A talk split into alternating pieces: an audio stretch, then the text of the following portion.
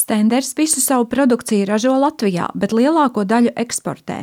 Lielākais eksporta tirgus ir Ķīna. Pērn sākuši aktīvi strādāt tuvajos austrumos, Sauda Arābijā un Jordānijā.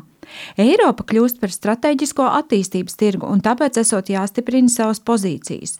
Šobrīd Rietumē Eiropā Stenderam vēl nav savu veikalu, stāsta Stenders vadītāja Kristīna Grapmana. Vācijā būs pirmais veikals pie Frankfurtes, ko jau vērsim pavisam drīz vaļā. Vācija patiesībā ir salīdzinoši sarežģīts tirgus, tas ir salīdzinoši konservatīvs tirgus, bet tai pašā laikā mēs saprotam, ja iegūs šo te Vācijas pircēju labvēlību, tad uh, tas ir ļoti labs tirgus attīstībai un ļoti labs tirgus, uh, lai liktu kā piemēru jau arī citām valstīm. Uh, ja ir izdevies biznesu attīstīt Vācijā, tad tā ir ļoti laba atsauce, lai jau attīstītos arī tālāk. Taujāta par veikalu attīstību un e-komerciju Grapman neslēp, ka situācija mainās. E-veikali jā, joprojām attīstās, tomēr saistībā gan ar jau iepriekšējo Covid periodu, ja tā varētu teikt, kur eh, šī e-komercija attīstījās ļoti strauji arī kosmētikas industrijā, tad eh, šobrīd mēs redzam, ka šie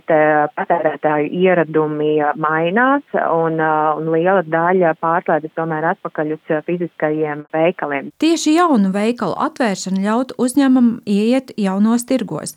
Stenders lielākais eksporta tirgus ir Ķīna un pašlaik tas savu produkciju tirgo vairāk nekā 30 valstīs.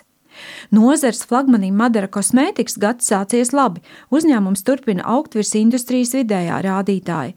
3 ceturtais, jeb 75% no saražotā uzņēmums realizē ārpus Latvijas, un šī dinamika turpina augt.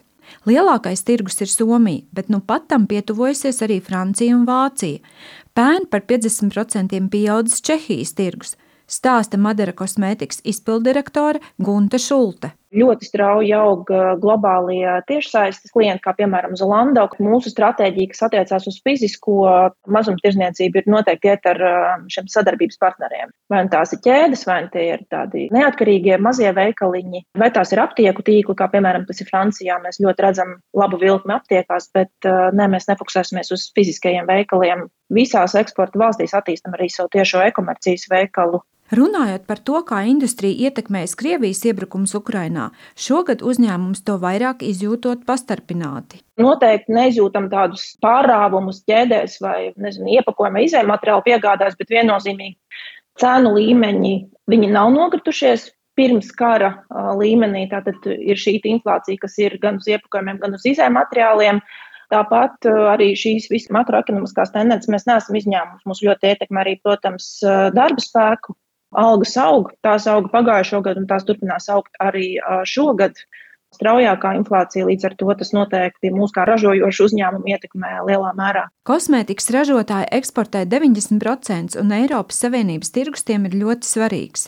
Vērtē Latvijas kosmētikas ražotāju asociācijas valdes priekšsēdētāja Ieva Plaude. Pagājušā gada sasniegums, kad eksports pieaug par 9%, ir izcils. Visa pamatā ir inovācijas, mērķiecīgāka tehnoloģija lietošana, Tā kā mēs esam optimisma pilni, mēs priecājamies, ka atgriežas manuālās procedūras kosmētikā, jā, šis cilvēciskais faktors paralēli, protams, visu moderno tehnoloģiju lietošanai. Pērn nozars eksporta vērtība sasniedza 72 miljonus eiro, lai arī ārējā ekonomiskā vide, tostarp recesija Eiropā kosmētikas ražotājiem nav pateicīga, tomēr uzņēmumi aktīvi pārvar izaicinājumus. Sandra Dieziņa, Latvijas radio.